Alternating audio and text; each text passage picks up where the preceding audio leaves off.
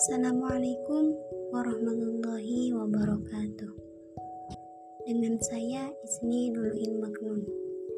Kali ini saya akan membahas tentang penting gak sih kita belajar pendidikan kewarganegaraan sampai ke perguruan tinggi itu? Nah, pentingnya belajar pendidikan kewarganegaraan adalah sebagai proses diri kita mengenal negara sistem pemerintahan profil negara, dan proses hukum serta pembuatan undang-undangnya. Dalam hal proses itu, sisi nasionalisme dikurung sebagai tulisan penguatan dalam pembelajaran pendidikan kewarganegaraan. Padahal, sisi korupsi sebagai tindakan radikal juga perlu diperjelas agar sistem pemerintahan negara ini tidak diisi oleh orang-orang yang mencari keuntungan sesaat. Justru membangun sisi kepribadian bangsa dengan sebaik mungkin.